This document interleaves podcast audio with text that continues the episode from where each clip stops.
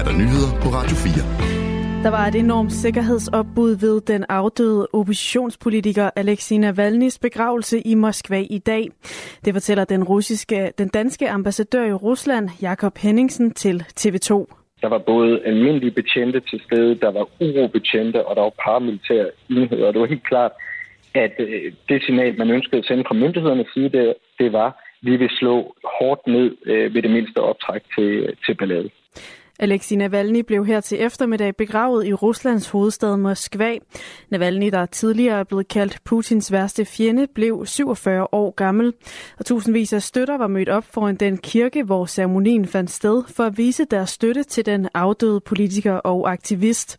Også ambassadører fra flere lande, herunder Danmark, hvor ambassadør Jakob Henningsen fortæller, at han lagde blomster ved Navalnys grav. Her hilste han også på, et, på nogle af de fremmødte russere og de var virkelig glade for, at vi var der. Øh, de takkede os, og de sagde, at øh, det betød meget for dem moralsk øh, at høre andet end russisk øh, i den øh, kø, der var til at komme ind til begravelsen.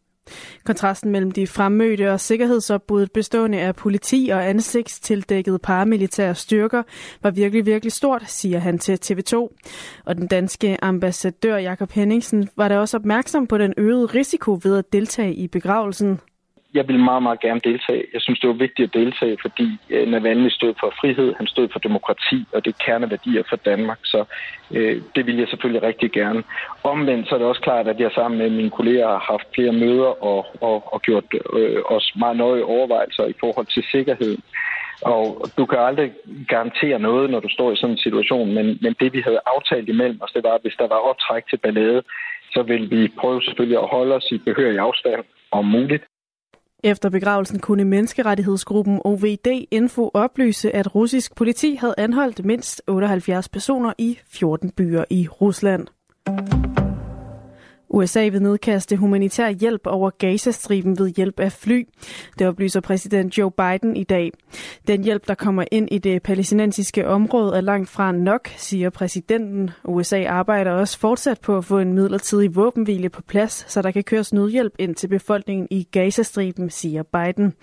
Kort inden at meldingen kom fra præsidenten, havde flere unavngivende kilder sagt til Reuters og avisen Wall Street Journal, at hjælpen kan komme inden for de næste dage. Den ventes at blive kastet ned over området fra amerikanske militærfly.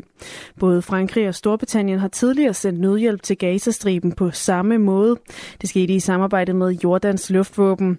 Den humanitære situation i Gazastriben er alvorlig. Mindst en fjerdedel af befolkningen er tæt på at sulte, siger FN's kontor for koordinering af humanitære anlæggender, OCHA.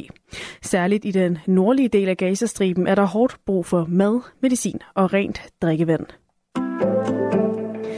Den berømte Muhammed-tegning af Kurt Vestergaard er blevet solgt for over 3,3 millioner kroner. Det siger galleriejer Erik Guldberg, der er aktionarius for salg af tegningerne. Budet på den tegning endte på 445.000 euro, mener jeg, svarende til cirka 3.300.000 kroner. Værdien blev på forhånd anslået til mellem 600.000 og 1 million euro. Hvem der har budt på tegningen og nu skal have den, kan Erik Gullager dog ikke oplyse. Det er en ganske normal aktion, men med en helt usædvanlig vare. Og øh, der er så nogle kontraktlige forhold, der gør sig gældende. Det vil sige, der er noget, jeg ikke må udtale mig om, og det er priser, det er sælger, og det er en, nogle andre ting. Det er sådan noget, noget kontraktligt, man forpligter sig til. Den 12. tegning er Kurt Vestergaards originale tegning af Muhammed med en bombe i turbanen, som blev bragt i Jyllandsposten i år 2005. Siden tegningen blev bragt i avisen, har der både været attentatforsøg, terrorplaner og konkrete angreb i både Danmark og resten af verden, som kan forbindes med tegningen og de 11 andre Muhammed-tegninger, som blev bragt i avisen.